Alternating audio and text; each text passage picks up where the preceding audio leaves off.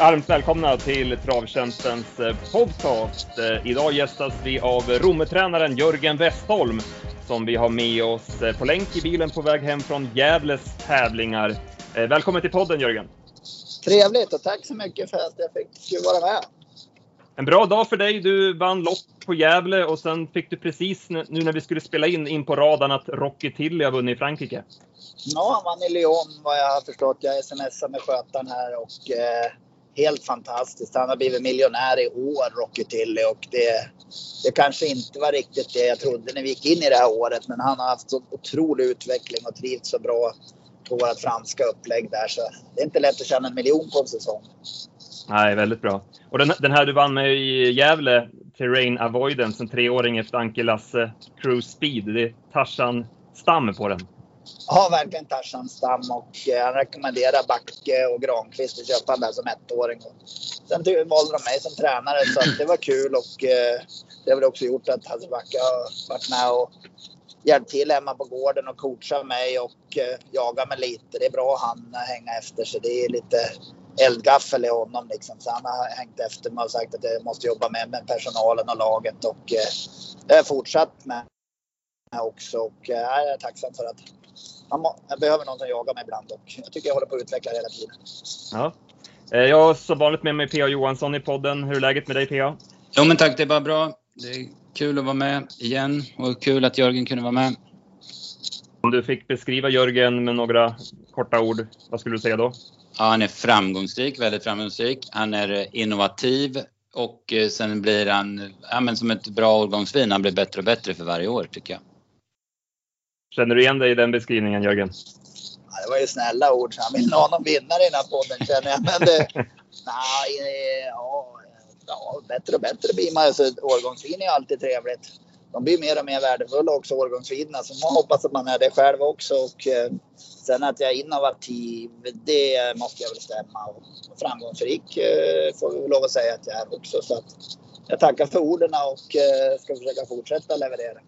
Ja, du har haft ett väldigt fint år bakom dig i år. Eh, drygt eh, 19,5 miljoner inkört. Vad säger du om året? Ja, fantastiskt. Det har varit eh, bra flow och det är otroligt många hästar som har gjort det.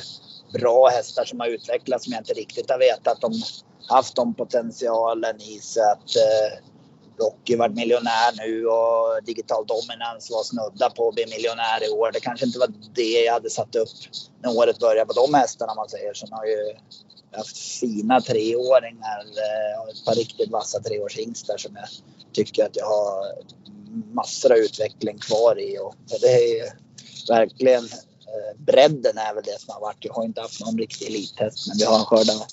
Vi har sett till att köra in mycket pengar. Mm. Ja, jag noterar en grej att trots att du har så pass mycket hästar igång och de, de har, har, ni har gjort över tusen starter i stallet så ligger du på en segerprocent på 16. Jag tycker det är ganska imponerande ändå. Ja, det måste man säga. För liksom det, vi startar ju väldigt, väldigt mycket. Vissa tränare väljer att starta väldigt, väldigt lite och ja, titta på det.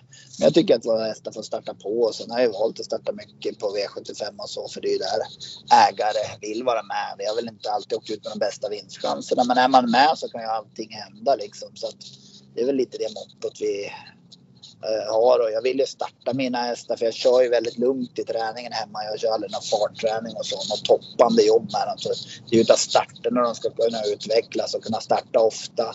Det gör ju till slut att man utvecklar hästen så att den blir ännu bättre tävlingshäst. Så att jag brukar ju sällan toppa hemma och tycker att de ska få tävla sig in i form. Och det gör ju att det blir ganska mycket starter men det är väl starter hästägare ser fram emot också så att det är väl en bra kombo. Mm, ja men så är det ju. När man hade häst själv, det var ju det, det, var ju det roligaste. Så det andra var ju, ja, det var inte lika spännande. Just på STL har du ju varit väldigt framgångsrik också. Eh, du ligger ju trea som kusk va, och har ja, men, chans i alla fall att gå förbi eh, Björn Goop och Robert Berg som är. Och sen ligger du tvåa på inkörda pengar. Där är en bit upp.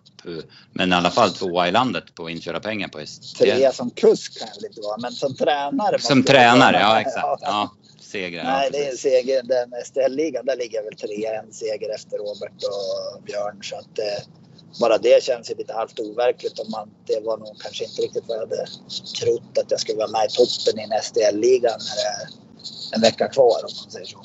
Nej, precis.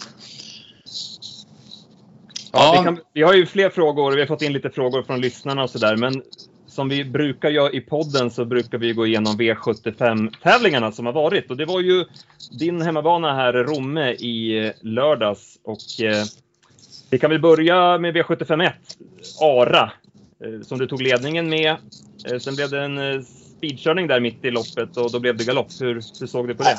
Ja, det var mitt fel. Det var jättedumt. dumt. Jag tog upp och satt och halvkvartade väl lite där. Jag var så nöjd. Jag tänkte köra så sakta som möjligt. Sen var ju givetvis Stefan väldigt vaken och satte in den attacken. Och jag, var, eh, jag såg att han kom, men Ara kunde inte riktigt växla tempo på det viset. Så jag försökte sticka dit benen och körde för fullt in i svängen där.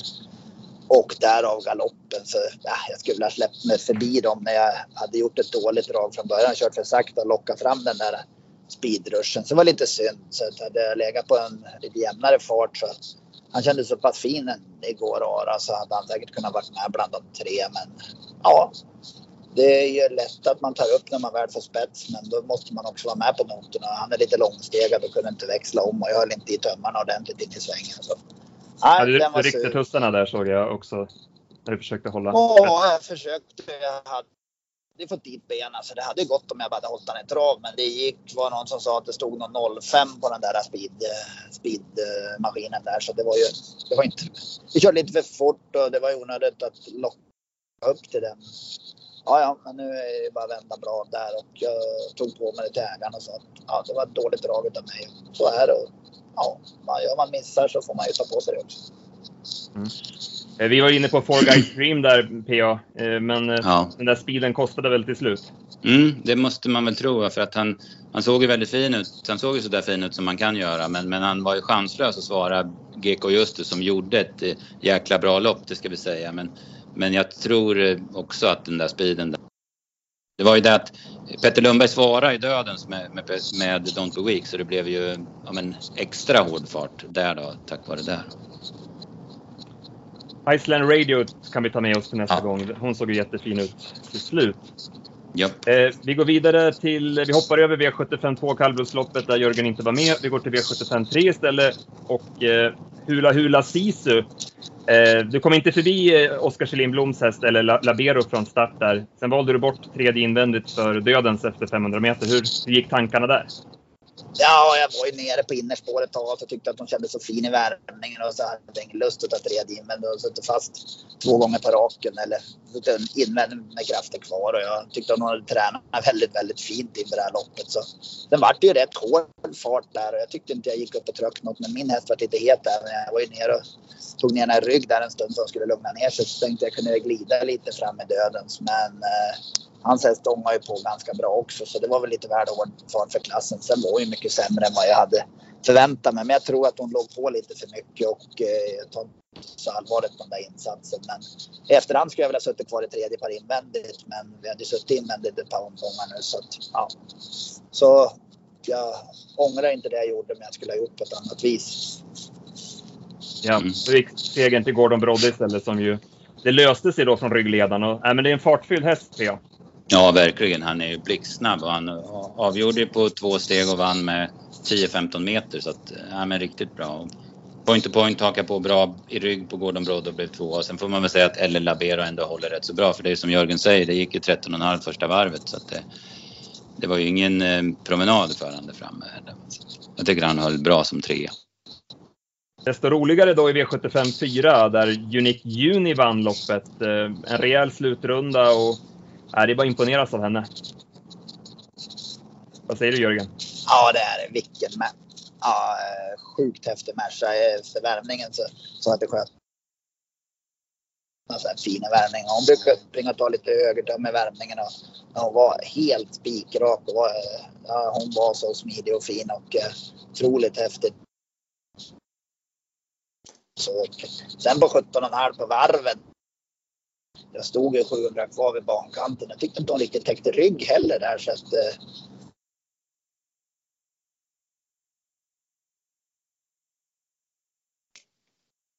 ja, då var hon lågflygande och eh, ja, hon känner väl också lite när hon rör på dem att kanske inte möter de bästa. Att det inte är storelitshästar hon kommer i närkamp med. Då blir hon lite kaxigare då också. Men sista två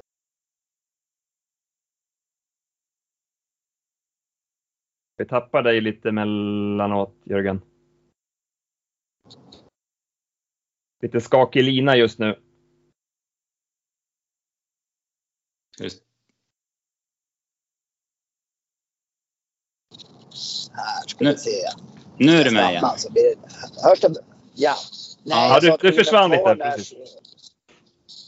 Nu ska jag stanna här så ska vi se. Nu stannar jag lite här på en busshållplats.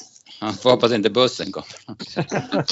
Nej, det är söndag kväll är det inte var någon busstrafik här. Nu då, hörs det bra nu? Ja, Nu är det bättre. jätte- mm. Ja. Eh. Nej, men 700 kvar tyckte jag att hon såg lite halvt. Hängde inte riktigt. Sista sväng så sög hon ju fatt och sen över upploppet så flög hon ju fram och Mm. det skojar. Även om hon är ju kanske huvud högre där. Men på det där första varvet så är det inte alltid så lätt att hinna dit. Nej, jag hade 11 och 7 sista tusen och 10 sista fyra på henne och då, då var hon ju Splendid Isolation sista 50 där. Då åkte hon ju bara in liksom. Så att, Ja, nej, nej, det är en häftig häst alltså. Det är ju vilken kropp hon har och liksom aldrig några skador eller någonting hon har haft och bara mal på. Så nej, häftig med. Mm, ja, verkligen. Hon vann ju korta E3 som treåring så man brukar prata om knäckarlopp. Men hon, hon stod pall och har gått, ja, men, gått framåt för varje år kan man säga. Ja, hon utvecklades ju då. Jag fick chansen att ta henne till Frankrike. Strömberg hade gjort jättebra jobb med henne och sen fick jag chansen att ta henne till Frankrike. Då fick hon ju gå några riktigt hårda lopp där som har utvecklat henne med tanke på att hennes eh, ja, fysik och fräschör har varit bra hela tiden. Så att eh, då när man tar Frankrike på rätt vis så då utvecklar man sig utav det. Mm. Eh, om vi tar henne där, hon tävlar ju med skor runt om nu eftersom hon var tvungen och eh, hon har ju eh, Ja, men allt som oftast tävlar barfota både i Sverige och i, i Frankrike. Det var väl någon start i Finland där som hon inte, som hon gick med skor. Men, men om vi ska ta det generellt, vad, vad tycker du man ska tänka på? Vi som inte, ja, men som inte kan, kan hästar sådär och balansera och sådär. Men vad ska man tänka på nu när, när det är, alla måste gå med skor och så? Ja, det är ju liksom att jag tycker att de där som hugger fast i steget lite, om man säger de som lyfter bakbenen väldigt högt. De tycker jag ju blir negativt utav brodd med liksom att foten slår ner så vill jag att foten ska glida. Framförallt tillbaka tycker jag att det är liksom, när man kan ha ett glid i steget där så blir det inte lika jobbigt. Men när det slår fast med broddar. Då, för det är trakten längst bak på hoven som landar först och går den ner och sen ska den gå och hämta fast gruset och sen kicka iväg igen. Så bromsar man upp det för mycket då får man liksom ett kortare baksteg. Och det, det är lätt att få mjölksyra när man sitter fast i bak med Mm. bakfötterna om man säger så. Så att de som har lite, ja, man ser från sidan, det är svårt att förklara här men du ser själv de som har lite högre bakaktion tror jag har lite sämre utav det. Och sen är det ju vissa hästar som blir väldigt, väldigt trötta utav att gå med broddar. Men det är ju bara under den här övergångsperioden. Sen är det ju de flesta bekänt utav broddar. Fäste vill ju alla hästar ha normalt sett. Men det är ju att när man kommer från sommarskor till brodd så är det en liten övergångsperiod. Och i Mellansverige nu har det inte varit så många som har behövt skruva i broddar egentligen förrän nu. För nu har det blivit is i hagarna och lite is på vägarna. För banorna kan man ju hålla brodd. För det, för Mm. banorna hemma kan man ju oftast köra fort utan brodd. Men det är ju liksom säkerhetsmässigt för hästarna att de inte får halka och så. Så nu är det ju isgator i varenda hage. Så nu går ju alla med brodd och så. Men man har ju kunnat vänta ganska länge. Jag behövde skruva i förra veckan. Då var det då jag behövde skruva i broddar på mina hästar. Så att vissa blir lite nedsatta av det. Men sen som igår på den banan som var igår så körde vi utan broddar. Jag hade Mm. bara två stycken broddar fram i tån på bak för nickhjulet. Så fram körde jag en aluminiumskor. Man kan ju säga att det var sommarbalans. Banan var ju sjukt bra igår. Det, är liksom, det, det var ju obeskrivligt bra bana för att vara veckan innan jul och det var lika, det var jättefin bana i Gävle idag också. Så vi, den här hösten har vi haft väldigt tur, i alla fall i Mellansverige med att banorna har varit i ordning. Mm. Ja, precis. Kan, kan man säga någonting sådär som spelare, hästar som har gått barfota bak innan, är de mer missgynnade än de som har gått barfota fram till exempel? Ja, det upplever jag. De som eh, är lite rulliga så man vill ha barfota bak för att de inte ska bli så rulliga. De blir rulliga utav att man bromsar upp baksteget. Så att eh, barfota, för de som är, går med skor bak och barfota fram, de kommer ofta sätta på någonting som är liknande som barfota fram. Det finns ju plastskor och det finns ju, jag har några skor som de väger väl inte mer än 10-20 gram ibland som jag spikar på så att det, är en plastremsa. Så. Men sen är det ju om det kommer is då så att man får sätta i brodd. Det är då brodd fram. Det kan ju bli att de börjar slå sig lite mer på skenorna bak, bakkotorna. Det är också lite annan gång i det som de kan börja slå sig på knäna och så. Så det blir ju lite annorlunda när man får sätta i broddare fram. Men fäste normalt sett så mår ju alla bra. Alla hästar mår ju bra av att få fäste i banan. Mm. Ja just det där när det blir brodd fram, det hör man ju mycket snack om. Då, då blir det ju helt andra förutsättningar. För det är, det är så sällan ni använder det i, i tävling, speciellt här i, i den här delen av landet. Ja, härifrån och neråt är det ytterst sällan man måste mm. ha brodd. Det är ibland det är väldigt hårt på stallbackarna och visgator som man måste ta sig ut med brodd. Men det är inte ofta man behöver brodd fram på en eh, mellansvensk bana och söderut. Det tycker inte jag i alla fall. Mm, ja men skitbra. Eh, ska vi gå vidare till guldloppet där du var med med Remarkable Feet då? Där var, ja, du fick ju jaga de där två där framme som hade uppgörelse. Ja, jag satt väl mest hela loppet och tänkte tänk om man hade den där formen som man hade förra vintern. Då hade han en riktigt fin formtopp när jag vann på 2,6 med han i Romme där. Men han har inte den där rätta formen. Men, så jag satt ju mest bakom och tittade på att det var väldigt, väldigt tufft kört där i omgångar. Så att, men han eh, hänger inte riktigt, riktigt med. Och det, han känns fräsch och fin så jag tror att det är avsaknaden av lopp han behöver. Så jag kommer låta honom starta nästa lördag på Valla igen. Och mm. Givetvis ska jag kolla upp honom i veckan. Jag kolla lite blodvärden och kolla lite halsen och se att allt är bra. Sen får han starta så får vi se om vi kan få upp det där riktiga trycket. Nu är han ju uppe i guld och han gick ju silver förra vintern. Det är en viss skillnad men han är ändå inte den formen han var förra vintern. Nej, nej precis.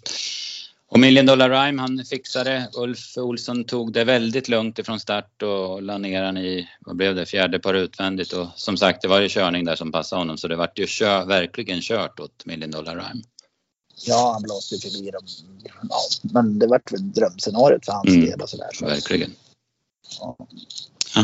Sen, sen, får vi väl säga att Milligan School var otroligt positiv eh, med tanke på de prestationer han har gjort nu. Nu såg han ju sådär taggad ut som han, som han gör när han är riktigt på tårna. Ja, nej, han är nog på väg in i form. Det vore jättekul om han går bra nu.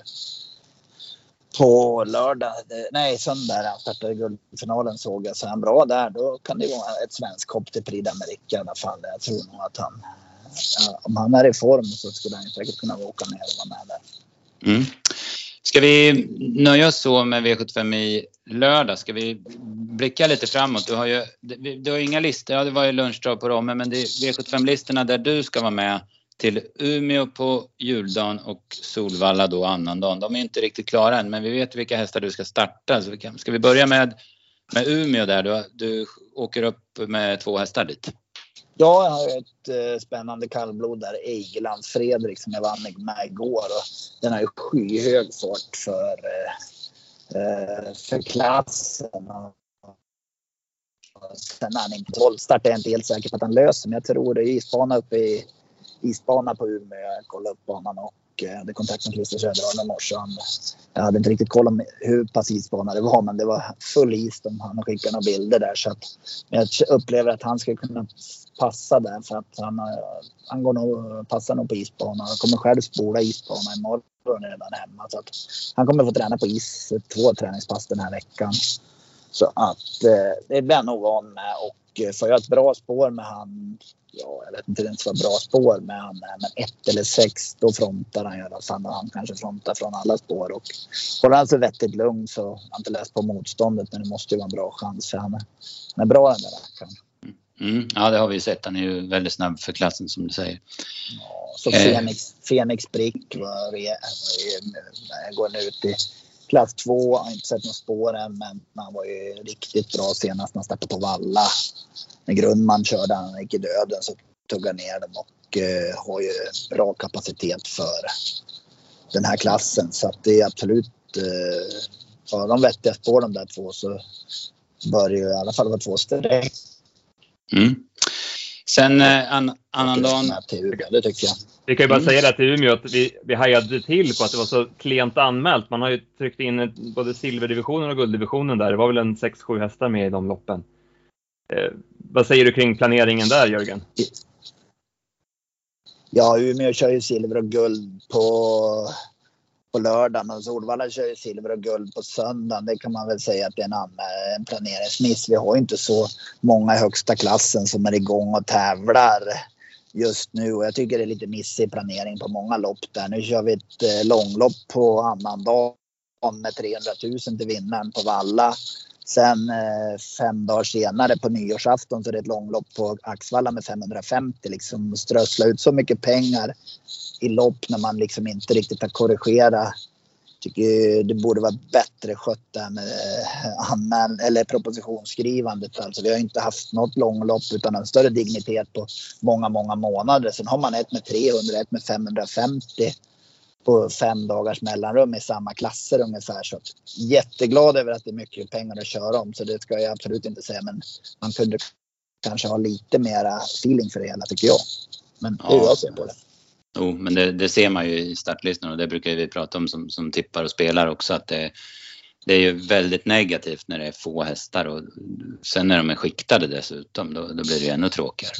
Jo, men det hade man väl borde kunna förstått att till 2022 skulle man ha dragit ner antal tävlingsdagar. För vi har ju sett att nu har vi lite för dåligt med hästar. Då kan vi inte bara fortsätta. Vi har skrivit ut lika mycket lopp till 2022. Jag, jag köper inte riktigt hur man eh, tänker i det där läget. Sen att lägga på massa pengar för de som kommer oplacerade som en desperat åtgärd för att få fulla lopp i, i streckspelsloppen. Det tycker jag är fel taktik i alla fall. För det kommer komma ut mycket hästar som jagar den där sista pengen som kanske inte riktigt är eh, ja, så snabb som de andra är i det loppet om man säger så. så att, nej, det hade varit bättre att dra ner på lopp tror jag. Mm, ja, det håller jag med verkligen. Eh, roligare grejer då. V75 på Solvalla på annandagen. Du hade eh, sex hästar med som kommer starta. Ska vi stanna vid Unique Juni som, som går ut igen nu då? På, på söndag blir det.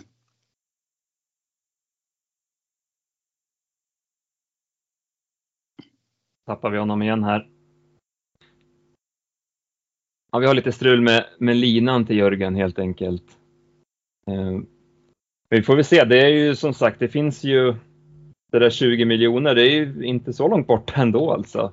Nej, precis. Om det är lite det... stolpe in här nu mot slutet av året.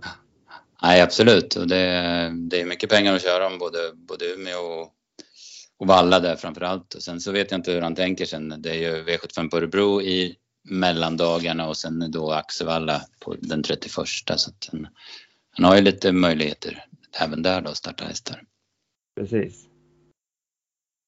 Eiglands Fredrik där får vi ta med oss till Umeåker. Det lät ju som att det kan vara en bra vinnare. Ja, precis. Eh, får, får han eh, bra spår och sen slipper bakspår i alla fall, då, då är han ju stekhet som det känns. Vi hade ju en av lyssnarfrågorna eh, som vi fick in var från Daniel Berlin. Han frågade om nästa vinnare från stallet och det kan ju mycket väl vara Eigelands Fredrik då som, eh, som kan vara aktuell där. Mm, mm, ja, precis. Ska du se om du kan få med, prova lägga till honom igen i samtalet här. Det är som sagt, tekniken kan vi inte rå så mycket över. Ja, eh, precis. Men, eh, och som sagt, Jörgen är på väg hem från från Gävle och var schysst nog att vara med oss eh, från bilen då och då som sagt kan man ju hamna lite i svackor vad gäller mottagningen. Ska vi säga lite någonting om övriga lopp från i lördags så länge PA? Vi det kan vi göra. Kallblodsloppet där, Belfax trodde vi mycket på. Löste sig bra för honom. Eh, Technojärven galopperade ju 1100 meter från mål och eh, Belfax kunde köra rakt fram då och sen plocka ner Kalmar över upploppet. Han, han stod på tur för seger kan man säga efter den starka prestationen gången innan bakom Technojärven. Ja men precis så, så var det ju lite gynnsamt där att det var så få hästar eller det var inte fullt fält. Va? Så att det, det vart ju väldigt bra åt honom. Va? Exakt. Och sen och, hade vi, ja vill du säga mer? Ja, sen är han ju så svår eh, Eh, Eh, vad heter det, mm, eh, Technojärven, det går ju aldrig liksom att räkna på, på honom, känns det som. Nej, exakt, så är det ju. Sen hade vi ju i eh, V75 6 blev det en skräll, Devs Definitiv, som ju fick loppet. Det löste sig bra. Han hittade ut Magnus Djuse och eh, eh fick ryggen på Certainly när den kördes fram utvändigt ledaren. Eh, Stora snackisen var väl Örjan Kihlströms styrning med Digital Luck i det här loppet. Mm. Ja, precis. Han var ju kvar invändigt och valde ju det då. Så att, han gick i mål med, med gott om krafter kvar. Magnus Djuse var ju kall där. Han brydde sig Ja. inte. Nu, Nu nu är Jörgen med. Nu, nu, ja, Skönt, slipper vi kallprata. nu då. Ja, precis. Nå, jag vet inte fasiken vad som hände. Det. Ja, ja, men nu Ja. verkar det funka i alla fall. Japp. Unique Unis Ja, frågar om Ja, eh, start, täta starter ja, nu. Och. Ja, Men det har vi klarat förut. Men nu är det lite tuffare proposition måste man ju säga. Tilläggen ligger lite annorlunda och det är bra hästar med där och jag har själv en bra på start där så det är lite tuffare den här gången. Men givetvis så får hon rätta ryggarna så är hon ju med i matchen. Det är hon ju. mm, ja, precis. Hon, är hon, har hon hugg på dem när de svänger in på upploppet då vet man ju hur det brukar gå i alla fall. Ja, då kommer hon vara långt fram. Men som sagt, ja, Grace Candy där har varit riktigt bra tycker jag. Det var ju strålande när hon vann näst senast där. Då flöt hon fram den dagen. Mm, ja, spännande. Eh, du har samma dag då i det här långloppet som du pratade lite grann om, Carry Cash och Made of Stars. Det är två hästar med väldigt bra form och som är starka också. Ja, det är två som jag tycker är väldigt intressanta i det här. Jag har inte hunnit läst på. Vad har du läst på? Vilka är det som är bra där? Då? Nej, jag har inte heller Så kommit jag fram dig. till... Ja, jag ska ta fram listan här. Var Ska inte blyg nu. Ja. Carrie Cash är spännande att prova. Hon hade varit ute på sådär lång distans. Hon har varit bra på 2,6 några gånger. Jag tror hon kan passa med Örjan också där. Så att eh, får hon rätta ryggarna så där kommer hon gå bra tror jag. Mm. Ja, var, var det inte 3 och 1 när vi trodde på henne när, hon- när Mika Fors körde, när hon fastnade då? Va? Ja, det var det. Då Mm. satt ju fast. Så Mm. att, eh, det var en bra prestation då. då. Ja, precis. Eh, nej men, eh, nej men eh, vad ska vi säga om det här då? Jag ser ju på poängen i alla fall så har ju Racing Brodda mest poäng men de står ju 3220 meter. Det är ett hopp där. Från 3180 till 3220 så att de står ju otroligt långt efter. Sen har ju Silver Bullet där som du har haft i träning tidigare Ja. som, som Jörgen har i träning, Jörgen S. Eriksson har nu då. Den har ju mycket poäng och sen är det dina två som är mycket poäng och sen Djokovic, eh, den som var hos Ljuse förut som är hos Matti Nisonen nu, Okej. Ja. eh, har ju en del poäng och sen Roof Party vann ju direkt för Robert Berg i första starten i Örebro. Han, jag vet inte om 3 och 1 är hans grej men den blir Ja, det blir snack om spännande. alla Jag fall. har, jag har ju två bra hästar där, två långdistanser. Jag tycker Made of Stars inte var som bäst. Även om han vann senast så tycker jag kanske att han eh, skulle ha varit lite bättre. Jag kände mig slagen från 700 till 200 kvar kan man väl säga. Men eh, sen tog han sig samman. Sen gick eh, Lindgrens häst väldigt bra som Per körde där också. Det är en Mm. bra häst. Så Mm. jag kanske var lite hård i mitt omdöme när jag inte var nöjd med. Men det är två absoluta spännande hästar på 3 och 1 det tycker jag. Mm, du har Nine Point Yankee med, den har jag missat. Den har du med också. Ja, men den ska vi smyga invändigt med. Det är min dotter som passar den och sköter om den. Så att vi har, jag sa åt mig att det är fina pengar ända upp till åttonde plats. Så att vi är ute efter de där pengarna där på, Ja. på, på slutet. Det är kanske den, den mat, matlappen som gör att ni går över 20 miljoner. Precis. Ja, det hade ju varit trevligt och hon tycker så mycket om den där hästen. Hon pysslar och grejer med. Så att det, det, det blir spännande. Mm. Men du Fia, ja, Fia ska, vi, ska vi bränna av det här frågebatteriet vi har medan vi har bra länk Ja, precis. Jörgen Ja, precis. Jag tänkte att du skulle få prata lite om din eh, takraka. där Du tar ju ofta upp den och jag, jag fattar ju att det måste vara jordens grej att kunna vara nästan inomhus och träna. Men kan du berätta lite vad som är den stora fördelen med Ja, att ha det- en träningsbana under tak? Det kommer ju inte in vatten i gruset så jag kan ju hantera gruset på ett sånt vis. Det vet ju alla när det kommer vatten i gruset och sen fryser det. Då är det ju helt omöjligt att sära gruskornen ifrån varandra. Så där kan jag, liksom, jag kan ju hantera det där gruset hur jag vill. Jag har ju väggar och sen har jag vindnät och så är det taket. Då, så att, eh, det är torrt och fint där inne hela tiden och eh, sen blir det ju sådana dagar det blir tösnö ute, det klumpar i fötterna. Det vet alla som håller på. Det går inte att Mm. köra då heller. Jag kan ju köra det året runt om man säger och sommartid var inte därför jag byggde den för den stora vinsten fick jag på sommaren utan att jag tänkte på den. Det är skyddat mot vind och sol. Jag vill alltid ha vattnat grus och det vet man att där solen och vinden ligger på utanför så torkar det ur på en gång. Det. Här kan jag vattna i ordentligt. Sen är det fuktigt och fint hela dagen. För mig är det bara ofattbart att ingen annan bygger en så likadan. Men ja, jag får vara glad att jag har en sån själv. Den är jag stolt över. Och den finansierar jag till stor del utav, hade goda samarbetspartners. Jag hade 32 stycken olika samarbetspartners som ville vara med och synas där som jag fixade till och så fick jag ju EU-stöd, det här landsbygdsprogrammet, 30 procents EU-stöd för att bygga den. Så att allt går om man bara vill. Det är liksom viljan som stoppar det mesta. Men jag brukar vilja saker och ting. Mm. Ja, det var som jag sa där till att börja med, innovativ va? Ja. Och man har finansiärer också. Det är det. Ja. Jo, precis. Men det, det är väl, det, det, skaffar man sig väl. Så är det. Ja. Eh, sen tänkte jag på en, en, tredje grej då, om vi kan ta det lite snabbt. Du, det, of, dina lärlingar, du, du, låter dem köra mycket, men de är, blir ofta väldigt framgångsrika. Vi hade Jörgen S Eriksson som jag nämnde förut, han var ju en av de första där som jag minns. Men sen framförallt kanske Oskar J Andersson. Sen kom ju Marcus Liljus till dig, han var ju lite doldis. Vi såg ju, vi som såg honom ofta såg att han kunde köra häst, men han blommade ju verkligen ut hos dig. Och likaså Ida Rester som vann Guldklockan tillsammans med Ljuse i fjol och sen nu då har du William Ekberg och David Grundman. Kan du kan du ge någon förklaring till att det, det kan ju inte vara en tillfällighet att det är så många som, som blir så duktiga kuskar?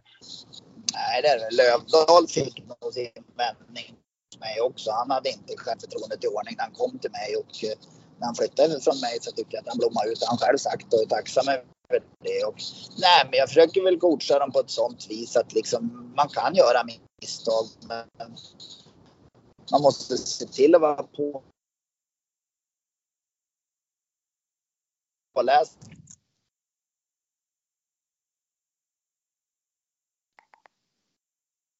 Ja, nu vart det knackigt ljud igen. Mm, precis, precis. Ja, vi får se om vi kan få med oss eh, Jörgen igen. Ja, precis. Vi, vi...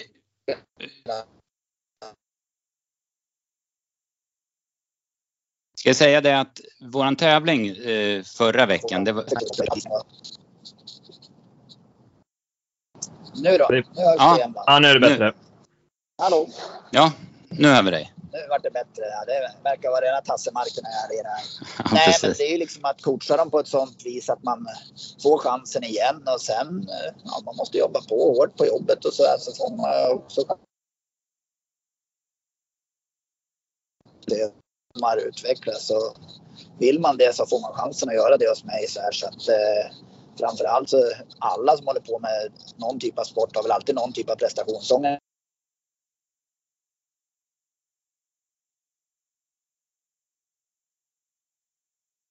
Ja, det verkar fortsatt vara mm. strul med tekniken där. Precis. Ja, men då säger jag det att Solvato var rätt svar i förra veckans eh, frågetävling och vinnarna var Bo Jonsson och Aldis Kronberg så de har blivit meddelade och fått sina priser 150 kronor i krediter. Nu då? Nu, nu kör vi igen. Vi, tar en, vi provar en sista gång här nu. Ja, precis. Eh, ja, ja, men nu kommer det, det, Nej, men jag vet inte vad ni har Ja, vi... Där, men, nej, jag men tror jag vi... vet ju liksom att...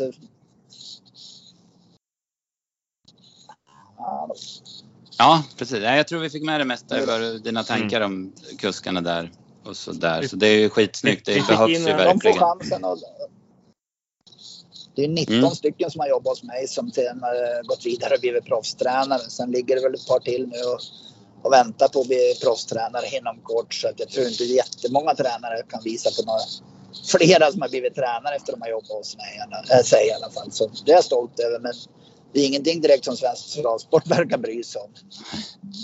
Nej, precis. Nej, det, är, det är skitsnyggt. Grymt jobbat. Du hade några, vi hade fått in några frågor, Andreas, också från, från um, lyssnare. Ja, exakt. Ja. Jo, Johan Ek undrade om du har någon tvååring som alltså blir tre vid årsskiftet som du tror är något alldeles extra. Jag tycker det ser väldigt bra ut överlag. Jag har kvalat några stycken men jag namnger aldrig någon häst så här, eh, så här års. Det tycker jag vore taskigt mot både häst och hästägare.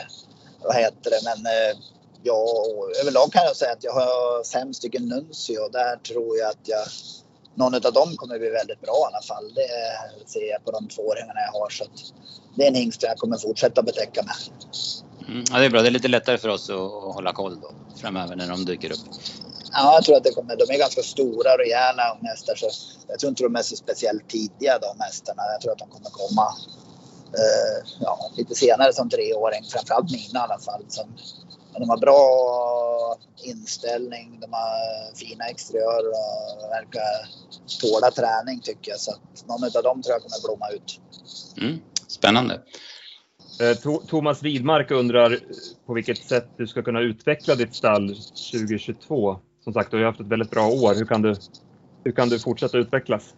Ja, det är väl att jobba ännu mer med personalen. Jag har rekryterat en kille som kommer börja här under vårkanten och hjälpa mig ännu mer med personalfrågor så att jag slipper eh, admin och kunna vara ute i stallet och jobba mer med personalen. Det är personalen som är min viktigaste kugge och kan jag vara ute och hjälpa dem och lära dem och visa dem så kommer de bli ännu hungrigare och se till att deras passhästar mår ännu bättre. Och, eh, är, personalen är A och O i den här branschen och jag ska försöka göra det bästa för deras del och det, det håller jag på med just nu. Mm. Eh, en, en fundering jag hade var det här med skötarbristen som, som råder i landet. Hur ser du på den? Eh, finns det någonting som ni som tränare kan göra eller Svensk Travsport kan göra för att få skötaryrket mer attraktivt? Absolut, det vill att göra ett bättre tävlingsprogram. Eh, I min värld så ska vi inte ha lunchtrav måndag och fredagar. Det kan Danmark och Norge ta hand om. Lördag kvälltävlingar efter V7 ska vi inte ha.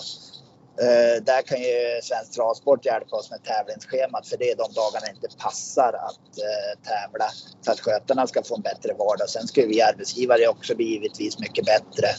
Men då måste vi tyvärr också ta mer betalt av våra hästägare och för att eh, ja, ge ersättning för allt eh, bra jobb de gör alltså. Och, eh, och tyvärr så skapas ju inte den här eh, fina omsättnings eh, omsättningen vi haft på ATG har inte skapat jättemycket prispengar. Så att eh, det är många tränare som inte riktigt kan höja priserna. Och det är personalen som behöver belönas ännu mer. Och, och då kanske SD också kan ja, se till att bjuda på ett lite bättre tävlingsschema för att de ska ha det lite bättre tycker jag. Den här nya regeln att man inte ska få jänkarvagn i voltstart nu från årsskiftet. Hur, hur, ser du på det? Du använder ju den amerikanska sulken en hel del. Jag gillar jänkarvagn och jag tycker jag kör rätt så bra jänkarvagn. Så jag tycker att den är tråkig. Och sen har regeln blivit satt men sen har man ju det är vagnar de har godkänt kontra icke godkänt jag tycker det känns jätteknepigt. Eh, det finns ju vagnar som är godkända som är mycket smalare och eh, ja, jag satt och tittade på den där listan så sent som idag och tänkte vilken vagn man ska skaffa. Som är, ja, jag upplever att framförallt kallblod tycker jag passar bättre som är lite trånga i gången och så. Mina kallblod fungerar ju väldigt bra i jänkarvagnar. Det är många starter med volt och så. Och jag tycker väl tränaransvaret kan avgöra det och eh, är man då kusk och inte vill köra i en jänkarvagn då får man ju säga det. Åka ut och värma och säga men den här hästen passar inte i jänkarvagn så jag vill inte ha den. Så det är väl både kusken och tränarens ansvar att säga vilka hästar som ska gå i vilken vagn. Men nu har de tagit beslutet. Jag kan inte göra någonting åt det. Men jag tycker att det borde vara tränaren och kuskens ansvar att kunna lista ut det. Mm. Mm. Eh, uppmärksammat i veckan här, Hail Mary flyttades från Robert Berg till Redén. Eh, har du upplevt något liknande att din stjärna har liksom flyttats och hur mår man då och så vidare? Givetvis mår man jättedåligt. Det är det. Jag har kanske inte haft någon häst av den digniteten som har blivit flyttad. Men det är alltid jobbigt. Man, eh, ju bättre, ja, bra hästar man får ju hjärtat slår givetvis för den man har i träning och jag förstår ju Robert Heilmer har verkligen visat kapacitet och han har väl haft framtidsdrömmar med den. Så klart man blir besviken men det är ju trots allt eh, ägarna som bestämmer och det kommer hända igen men jag förstår verkligen att Robert tycker det var jobbigt. Det hade jag tyckt var lika jobbigt, det tror jag. Mm. Hur, har, hur, har, hur har du med liksom, hästar? Flyttas det mycket hästar? Får du mycket hästar in? Har du vad ska jag säga, omsättning på hästarna?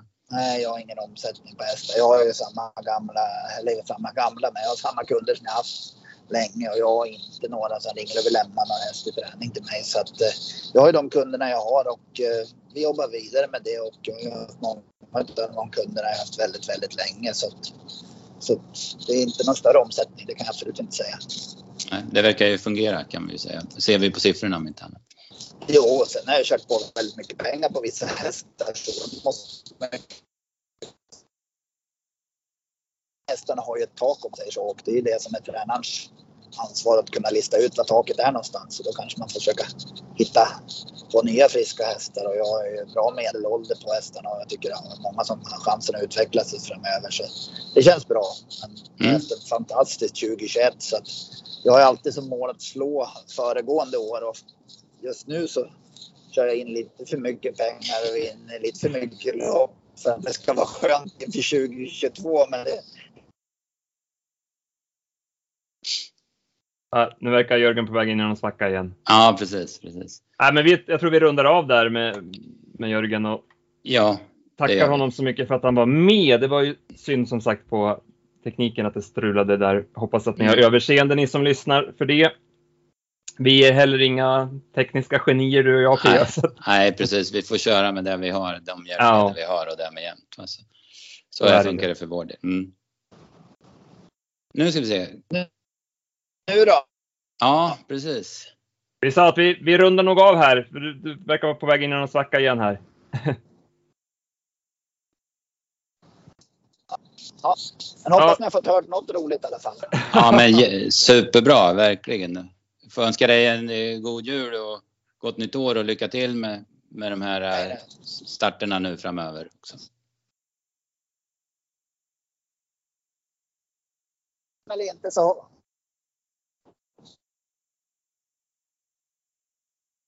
Så. Ja, precis. Jättebra, tack. Vi, vi hörs tack Jörgen. Tack. Tack. Tack. Hej. Ja, jättebra. Tack snälla. Tack. Ja. Ja, det var, det var, det var som det var. Men jag hoppas att, ni, att eh, det vart något gott av det. Ja, men det var mycket, mycket bra grejer tycker jag vi fick mm. med. Så att, eh, jaha, ska vi eh, vad ska vi säga mera PO? Vi, tar, vi kan säga att vi tar en eh, poddpaus här nu över julen. Mm. Vi kör ingen, ingen podd nästa vecka. Nej, eh, tredje, utan, tredje januari räknar vi med att köra igen nästa gång. Då precis tar vi ner eh, jul Winterburst som ju drar igång här och eh, med nyårsfinalen där det mm. som sagt blir en stor pott att spela om. Precis, det är ju, det är ju spännande spelveckor nu då. Det börjar ju redan imorgon på Mantorp där det är en dubbeljackpot va, om jag har fattat det rätt. Och sen är det jackpot på V86 onsdag.